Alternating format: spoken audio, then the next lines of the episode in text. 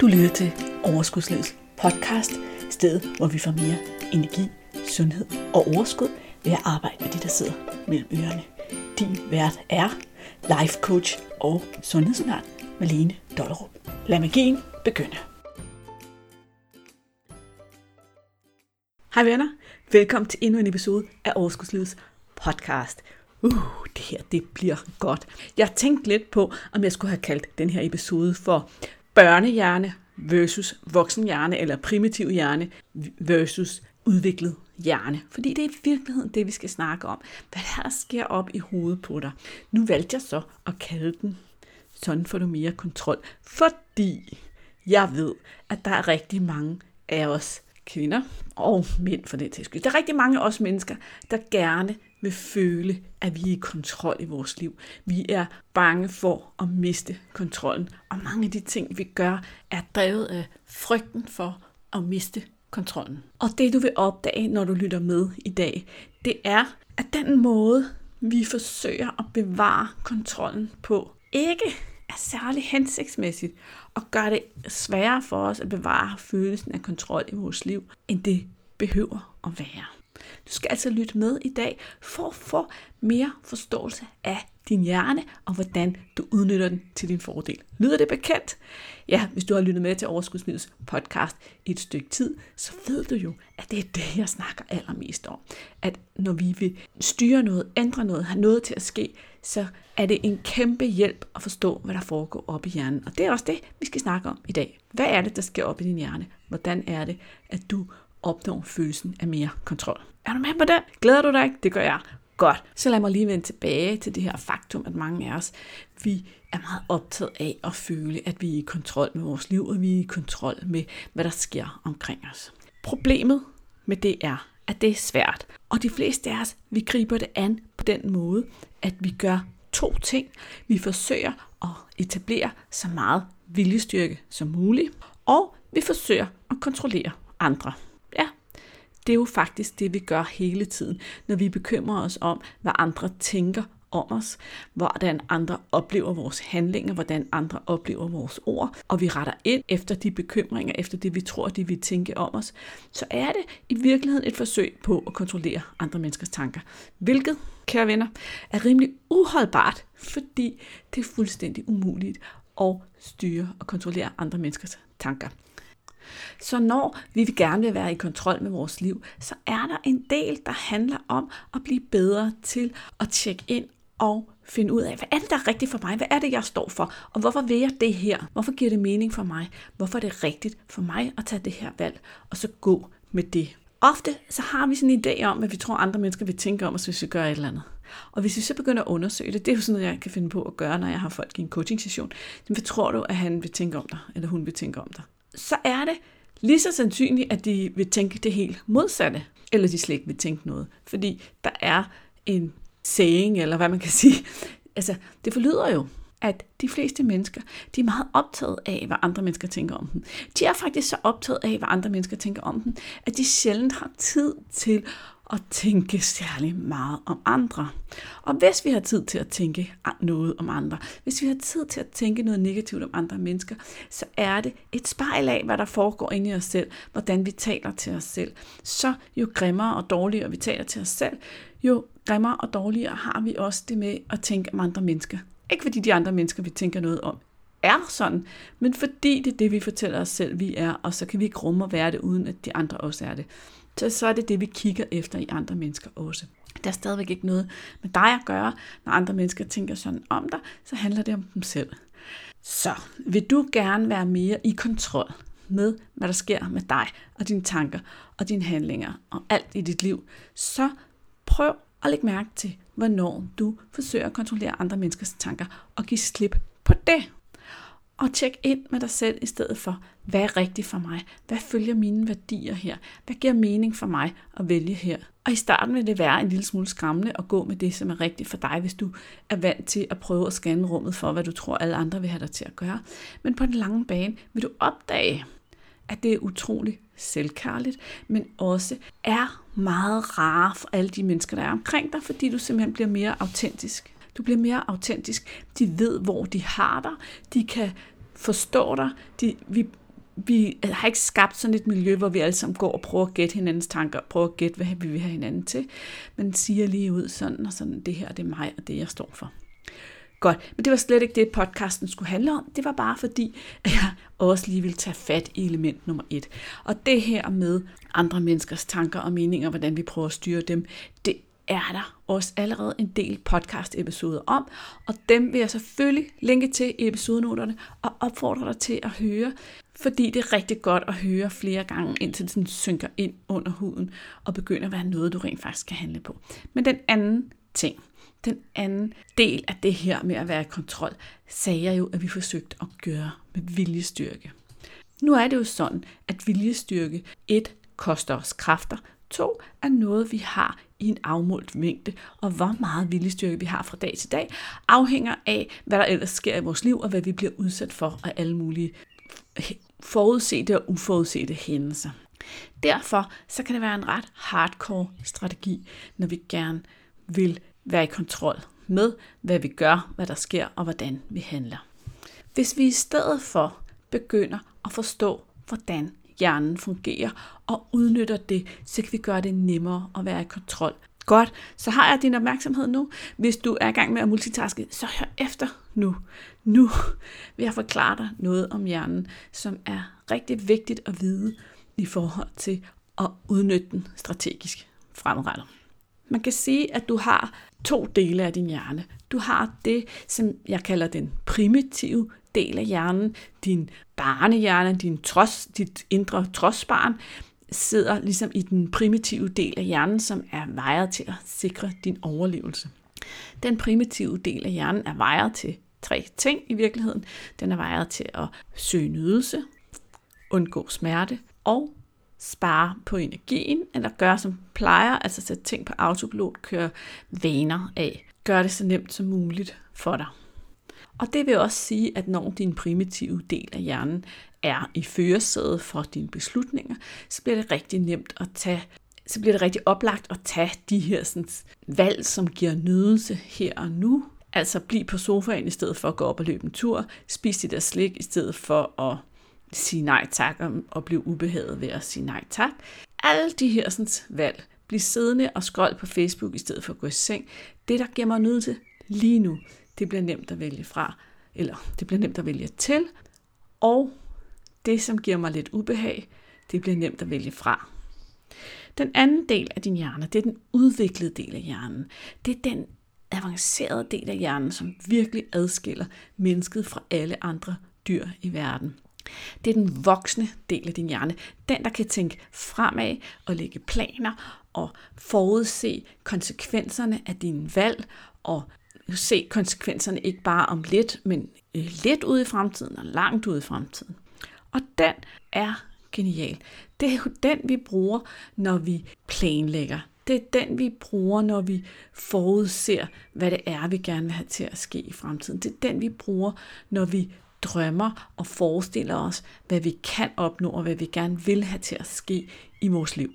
Det er den voksne og fornuftige del af os. Nogle gange så misbruger vi lidt den her sådan, voksne del af os til at være sådan en skrab, selvkritisk, selvkritiserende forældre, som altid står bagefter og kritiserer os for de valg, vi har taget, i stedet for at udnytte, at det er den, der kan tænke fremad. Okay? Hvordan udnytter vi, at vi har den her udviklede del af hjernen? Det gør vi blandt andet ved at tænke fremad. Så lad mig tage et eksempel fra den her vægttabsverden. Når jeg ved, at der skal ske noget i morgen. Lad mig sige, at jeg skal et eller andet. Jeg skal til et arrangement, eller jeg har en travl dag, eller jeg skal ud med kollegaerne, eller spise med min familie, whatever der skal ske. Så kan jeg med min udviklede del af hjernen tænke over, hvordan kommer det her arrangement til at foregå? Hvad vil jeg gerne have til at ske? Hvad vil være nogle gode valg for mig i den situation? Og hvis jeg bruger bare nogle minutter på at tænke situationen igennem, se det for mig, se mig selv, hvad jeg spiser, se mig selv, jeg drikker, se, forestille mig, hvordan jeg har det, når arrangementet er forbi, eller bare når vi er færdige med at spise, så vil det være meget, meget nemmere for mig, når jeg dukker op til det her arrangement, rent faktisk gøre de gode, selvkærlige ting, dem der gør, at jeg har det godt i min krop, fordi min voksne, udviklede del af hjernen har fået taletid, inden vi skal afsted. Hvis du omvendt overhovedet ikke gider at tænke fremad og nægter at planlægge, så får din primitive del af hjernen taletid. Og som jeg sagde, så den her trodsbarnsdel af hjernen, eller primitive eller barnlige del af hjernen, den vil jo bare gerne have det sjovt. Den vil bare gerne have nydelse. Og eftersom at den egentlig er den eneste, der har fået taletid her, så går det sådan, som det plejer at gå til de her arrangementer. Du får helt for meget indenbords, mad, drikke, hvad du nu plejer at hælde for meget ind af, og du sidder bagefter og har det ikke særlig godt, og så er det, jeg her siger, at så er der alt for mange af os, der først får vores voksne, udviklede del af hjernen på banen på det her tidspunkt, og begynder at banke os selv oven i hovedet og kritisere os selv for de valg, vi har taget. I stedet for at sige til os selv, okay, det fungerede egentlig ikke særlig godt. Der var nogle konsekvenser her, som jeg ikke brød mig særlig meget om. Jeg har det måske ikke særlig godt fysisk i min krop lige nu, eller mentalt, fordi jeg kan godt se, at jeg har modarbejdet mit ønske om at tabe mig, og at det her, det bringer mig i den forkerte retning. Hvad vil jeg gøre anderledes næste gang? Hvad kan jeg gøre næste gang, at jeg står over for en lignende situation? Det vil være den rigtige, den gode måde at bruge din udviklede del af hjernen på. Det vil være den kærlige voksne, som vil bringe dig fremad den her sådan, sure, onde, strenge, lede forældre, voksne hjerne, som bare skælder ud og kritiserer. Ved du, hvad den gør? Det eneste, den gør, det er at skabe en masse dårlige, negative følelser. Og hvis du er, som rigtig mange mennesker er, at din default er at dulme negative følelser, så vil du rigtig hurtigt ende med enten at overspise endnu mere, eller lave en anden, mere eller mindre selvdestruktiv handling for at ignorere de dårlige følelser og dulme dem væk. Og ikke have lært noget som helst. Nu vil du så begynde at sige til mig måske, jamen Malene, når jeg laver sådan nogle planer for mig selv, så overholder jeg dem ikke. Og så er det jo, jeg først bliver ked af det og utilfreds, fordi jeg ikke engang overholder aftalen med mig selv. Og her vil jeg så sige til dig, at så er det måske, fordi du laver urealistiske planer. Hvis du sidder i dag og forestiller dig, at i morgen, der skal jeg være så sund. Jeg står op i morgen, og så laver jeg en grøn smoothie og drikker to glas vand, og jeg drikker ingen kaffe. Og så til frokost, der spiser jeg broccoli og kyllingebryst, og, eller en salat, og så spiser jeg broccoli og kyllingebryst til aftensmad, og jeg bliver så sund. Og det bliver bare grøntsager, grøntsager, grøntsager. Ingen slik, ingen kage, ingen vin, ingenting af det, jeg har spist de sidste tre uger. Så er det lidt ligesom, hvis du forestiller dig, at nu står din voksne del af hjernen og siger til dig, at du skal være så sund her, fordi det her det er den perfekte, rigtige måde at gøre det på. Men det er lidt ligesom, at hvis du havde et barn, og dit barn de, i lang tid har levet på en kost af toastbrød og pasta med ketchup og ost. Og det er sådan set det, unge har fået lov at spise i rigtig lang tid. Og nu beslutter du, nu skal dit barn altså være lidt sundere. Så du siger, fra i dag af, der får vi kun kogte broccoli, ærter og kogte gulerødder, og det skal du spise hele tiden. Kunne du forestille dig, hvilken drama, hvilken oprør, der gjorde, der ville ske, hvis du tog et lille barn og forsøgte at få vedkommende til, og forsøgte at få barnet til at ændre sin mad fra pasta med ketchup til kun at spise kogte grøntsager. Det ved vi jo alle sammen godt. It's not gonna happen. Hvorfor er det så, at vi tror, at selvfølgelig vil vi da gøre det? Vi vil da bare ændre os fra at spise alt muligt til at være noget så sunde, og helst også gå rundt og være lidt sultne. Så når vi øver os i at bruge vores udviklede del af hjernen, vores voksne fornuftige del af hjernen, så skal vi tage højde for, at vi har et indre barn, at vi har en barnlig del os, eller at vi har det her, vi plejer at gøre, og vi har de her mønstre, vi gør, og så lave en realistisk plan. Så hvordan kan en realistisk plan se ud? Lad os sige, at du skal ud og spise med din familie, og du plejer at overspise og drikke tre øl altså, jeg skyder bare et eller andet op, så prøv en gang at forestille dig dit eget eksempel. Hvad kunne være en situation, hvor du plejer at få spist, drukket for meget kalorier, og måske endda har det en lille smule ubehageligt bagefter, eller måske ikke, men i hvert fald ved, at her, der tæller du godt opad i dit kalorieregnskab.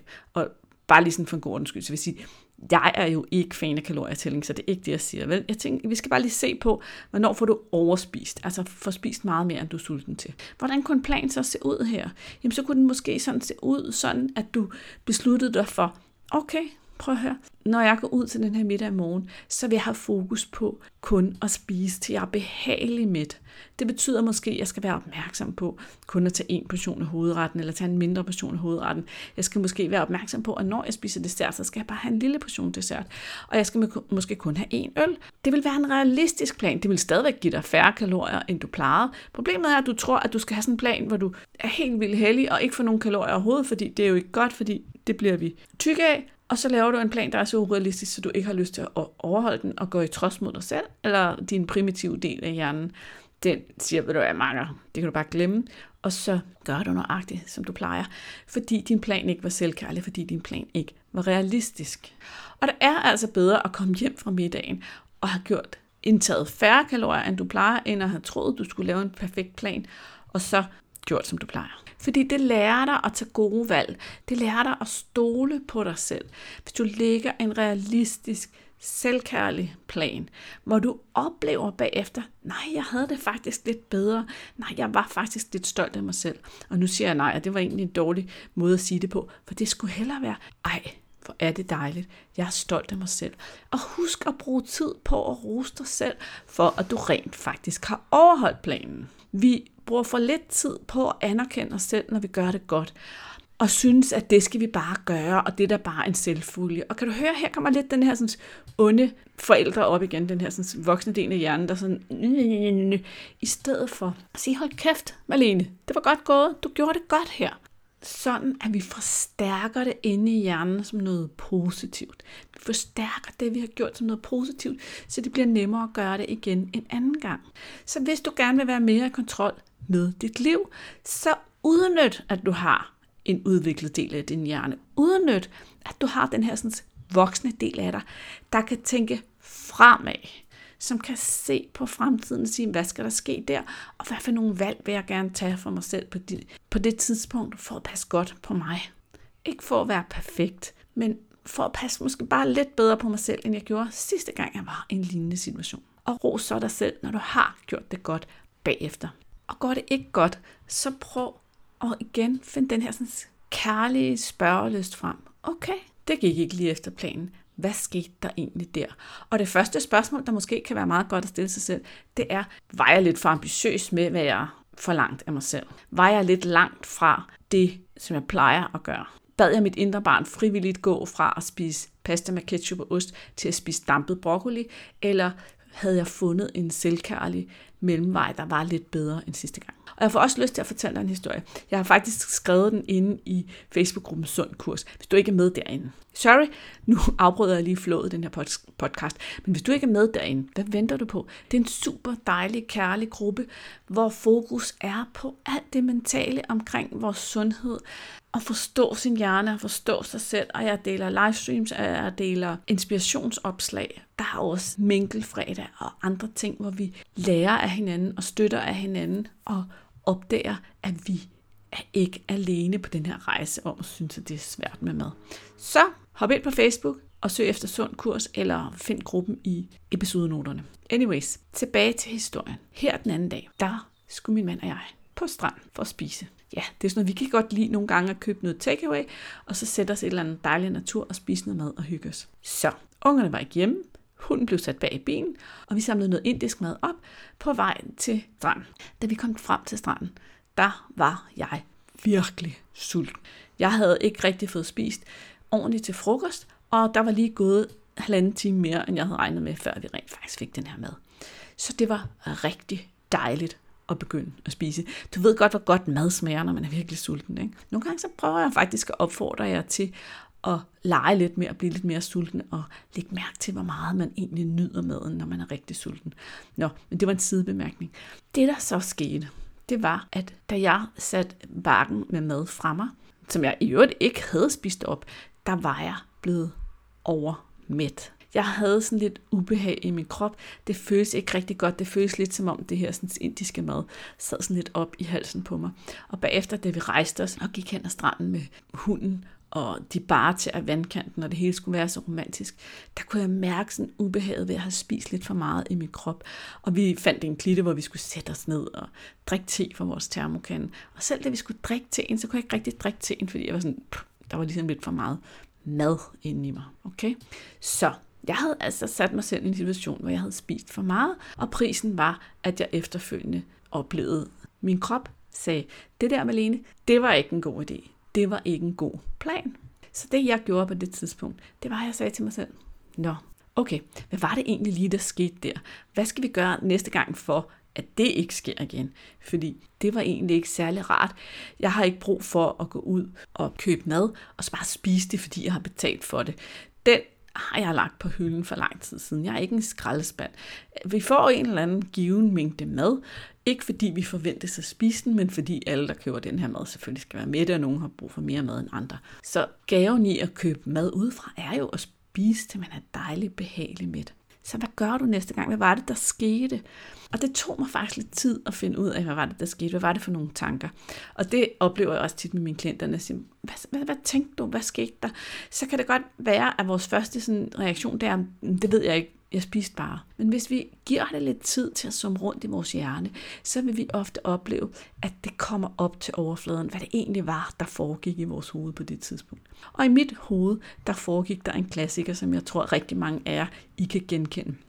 Nemlig det her med, at når nu jeg var så sulten, så måtte jeg da have brug for mere mad, end det, jeg havde spist til at starte med. Så første gang jeg egentlig oplevede, at jeg var mæt, så var det sådan, ej, det kan ikke være rigtigt, du er allerede mæt. Du var jo simpelthen så sulten, og du har jo ikke spist særlig meget. Jeg var altså fuldstændig oppe i mit hoved omkring, hvor meget mad jeg havde brug for. Og en af mine kæpheste er jo rent faktisk, at hvis vi lytter til vores krop, hvis vi mærker efter i vores krop, hvis vi stoler på vores krop, når vi spiser, så er det rigtig nemt at holde en sund og naturlig vægt. For din krop skal nok fortælle dig, hvor meget du har brug for.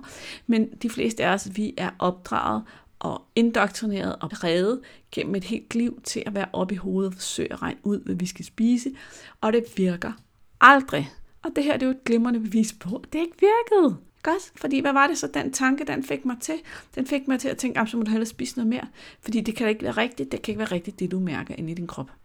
Det er faktisk lang tid siden, jeg har haft sådan en oplevelse, fordi jeg plejer efterhånden at være rimelig god til det. Men jeg synes, jeg vil fortælle dig, at det kan stadigvæk ske for mig. Men bare det, at jeg fandt ud af, nå, det var det, der skete. Og måske næste gang vi får indisk mad, så vær lige opmærksom på, at det mætter dig ret meget. Og du stadigvæk bare skal mærke efter, hvad der sker i kroppen, fordi så får du det meget bedre. Måske havde jeg også en lille rest af den her, sådan, nu har vi jo købt det, det kan da ikke være rigtigt, at du skal spise så lidt, når vi lige har betalt, bla bla bla. Det har været en tro følgesvend for mig i mange år, og jeg har lavet en del arbejde for at slippe af med den her, sådan, det her mindset omkring penge og mad, og hvorvidt man skal spise det, fordi man har betalt for det. Men det er jo helt latterligt. Jeg har jo ikke betalt for at tage et kilo på, vel? Nej tak. Og jeg vil selvfølgelig sige, at man tager jo ikke et kilo på af at overspise en enkelt dag. Det eneste, der som regel sker for mig og mit vedkommende, det er, at jeg gør mig ekstra umage med at lytte til min krop efterfølgende. Og derfor så varer det måske lidt længere tid, inden jeg spiser morgenmad næste dag, eller jeg spiser ikke noget morgenmad, eller jeg spiser mindre morgenmad. Og så udligner det sig selvfølgelig på den lange bane. Men pointen her var, at jeg tog min udviklede, min voksne del af hjernen med på arbejdet her, og bare gik og lod det sådan summe lidt rundt i hovedet på en kærlig og nysgerrig måde, indtil jeg fandt ud af, hvad der var foregået, og kunne se, hvordan at jeg skulle gøre det anderledes næste gang. Og det er også en af de ting, som jeg arbejder målrettet for at klæde alle mine klienter på til at gøre. Det her med at kunne sige, okay, nu har jeg fejlet. Og vi kan jo godt sige, at det her er at fejle, fordi hvis min overbevisning er, at vores krop er fuldt ud i stand til at fortælle os, hvor meget vi skal spise og ikke spise, og så længe vi lytter til den, så bliver det nemt og ubesværet at holde vægten. Når jeg så hopper op i hovedet og overspiser, så har jeg fejlet. Så en af de ting, vi gør, når vi har fejlet, det er at gøre os rigtig umage med først at kunne sige, det er okay, du er bare et menneske, det betyder ingenting, men hvad kan du lære af det? Og virkelig være kærligt nysgerrig. Og i starten, når jeg har kvinder i coaching, så er det rigtig ofte mig, der er den kærlige, nysgerrige repræsentant. Og på den lange bane, så bliver den, der bliver coachet, selvfølgelig klædt på til at blive bedre og bedre til at gøre det selv. Og jeg håber også, at du med den her episode kan blive inspireret til at gøre det mod dig selv. Altså være kærligt nysgerrig, i stedet for at være den her sådan, onde, sure, voksne med en pisk. Det er en dårlig udnyttelse af din udviklede del af hjernen. Det er en måde at forsøge at være i kontrol med sit liv.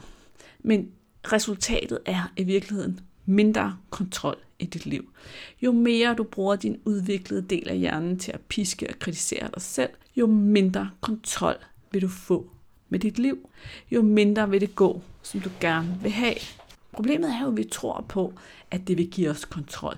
Det føles som om det er en måde at kontrollere os selv. Det er det bare ikke. Okay, nu har jeg gennemgået med dig præcis, hvad det er, du gør galt, når du forsøger at bevare kontrollen og kontrollere dig selv. Nemlig sætter alt for høje krav, er alt for streng og kommer fra det helt forkerte sted. Ligesom jeg har fortalt dig, hvad der skal til, hvordan du effektivt kommer ind i en rutine eller en vane, hvor du er i kontrol, hvor du er i førersæden. Nemlig ved at tænke fremad, ved at bruge din bevidste del af hjernen, og ved at være realistisk, når du gør det. Jeg ved godt, at der er nogle af jer, der får tics og, og trækninger af at tænke på planer, men det gør I, fordi i alt for mange gange har lagt nogle alt for restriktive planer, som I ikke havde lyst til at overholde, når I kom dertil, hvor planerne rent faktisk skulle overholdes. Det er også derfor, at jeg i den her podcast har brugt noget tid på at understrege, at du skal ligge realistiske planer. Du skal lægge planer, som du kan se dig selv have lyst til at overholde, når du står foran dem. Du kan gå ud nu og øve dig i at gøre det på den nye og meget bedre måde. Og hvis du ikke skal noget de næste par dage, så vil jeg forestå dig bare at prøve det af på i morgen. Hvordan kunne du godt tænke dig, at i morgen så ud? Hvis du genkender dig selv i den her historie med gerne at ville bevare kontrollen, og, der, og synes, det er vigtigt at have kontrol, men at det ikke altid lykkes for dig, så vil jeg også anbefale dig et par andre podcast, jeg tænker, du skal lytte med til, hvis du ikke allerede har hørt dem. Det er episode 89, der hedder ellers nej tak, smukke. Det er episode 72, der hedder alt eller intet tankegang. Og det er episode 86 og 87, som handler om at holde aftaler med sig selv.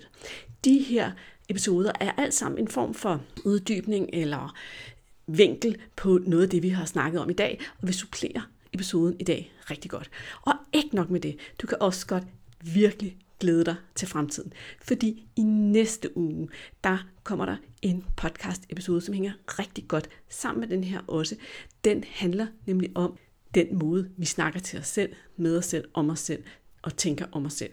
Jeg har været lidt inde på det i den her podcast. Jeg har snakket lidt om, hvordan du, når du ikke lykkes med at overholde de planer, du har lagt for dig selv, skal tale pænt og kærligt og undersøgende til dig selv, men i episoden i næste uge, der kommer vi rigtig meget ind på, hvad det gør ved dig, det her med at tænke grimt om sin krop og være utilfreds med sin krop, og hvad du kan gøre i stedet for. Desuden har jeg jo i episoden her talt om din primitive del af hjernen, i tale satte den lidt som et lille barn, og nogle gange som et trodsbarn. Om ikke ret mange uger, der vil vi have en eminent spændende gæst her i podcasten, nemlig Michael Jul, som er ekspert i indre dialog og det her indre barn. Og hun vil fortælle dig rigtig meget mere om den her forståelse af, hvordan vi alle sammen har et indre barn, og hvordan vi kan udnytte det til faktisk at få et bedre liv. Så hvis du ikke allerede gør det, så sørg for at abonnere på podcasten inde i din app, eller hvis du foretrækker det, så kan du få en messengerbesked, hver gang der er en ny episode. Den får du ved at skrive overskudslivet.dk-podcast besked, og så sker der det, at når der er kommet en ny episode på gaden, så får du inden for 24 timer normalt en messengerbesked om, at den nye episode ligger klar, så står der lidt om, hvad den handler om. Så hvis du skriver overskudslivet.dk-podcast besked ud i et ord, så starter det her messengerflow. Linket står også i episodenoterne, hvis du ikke lige kan klikke på linket lige nu. Så er der kun én sidste besked tilbage, og den er til dig, som er led og ked af at tage de samme kilo igen og igen og igen. Er led og ked af at starte en kur og falde i og starte forfra igen og igen, eller som bare støtter roligt går og tager på uden rigtig at kunne få løst problemet. Fordi, yippie! Nu er det sådan, at en gang for alle har åbnet op for deltagere på det næste hold. Vi starter i slutningen af august 2021. Så hvis du lytter til den her podcast ude i fremtiden, så kan du tjekke det ud alligevel, fordi det kan være, at der er åben for et nyt hold.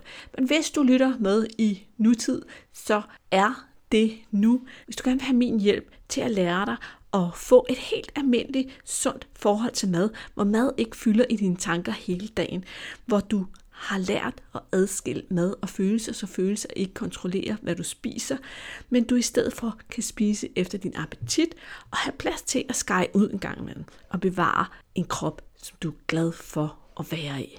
Fordi det er præcis, hvad det er, vi arbejder med i de seks måneder, en gang for alle coachingen foregår.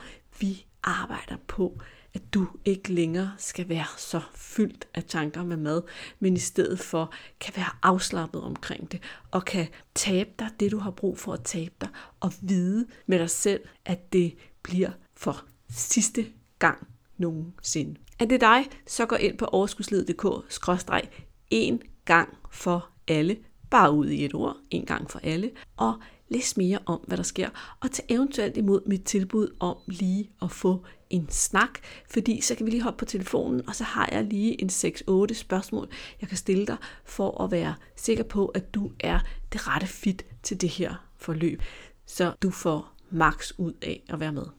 Ja, var det ikke en god nyhed? Jeg glæder mig så meget. Det var overskudslivet.dk, skråstrej en gang for alle, og der er selvfølgelig link i episodenoterne.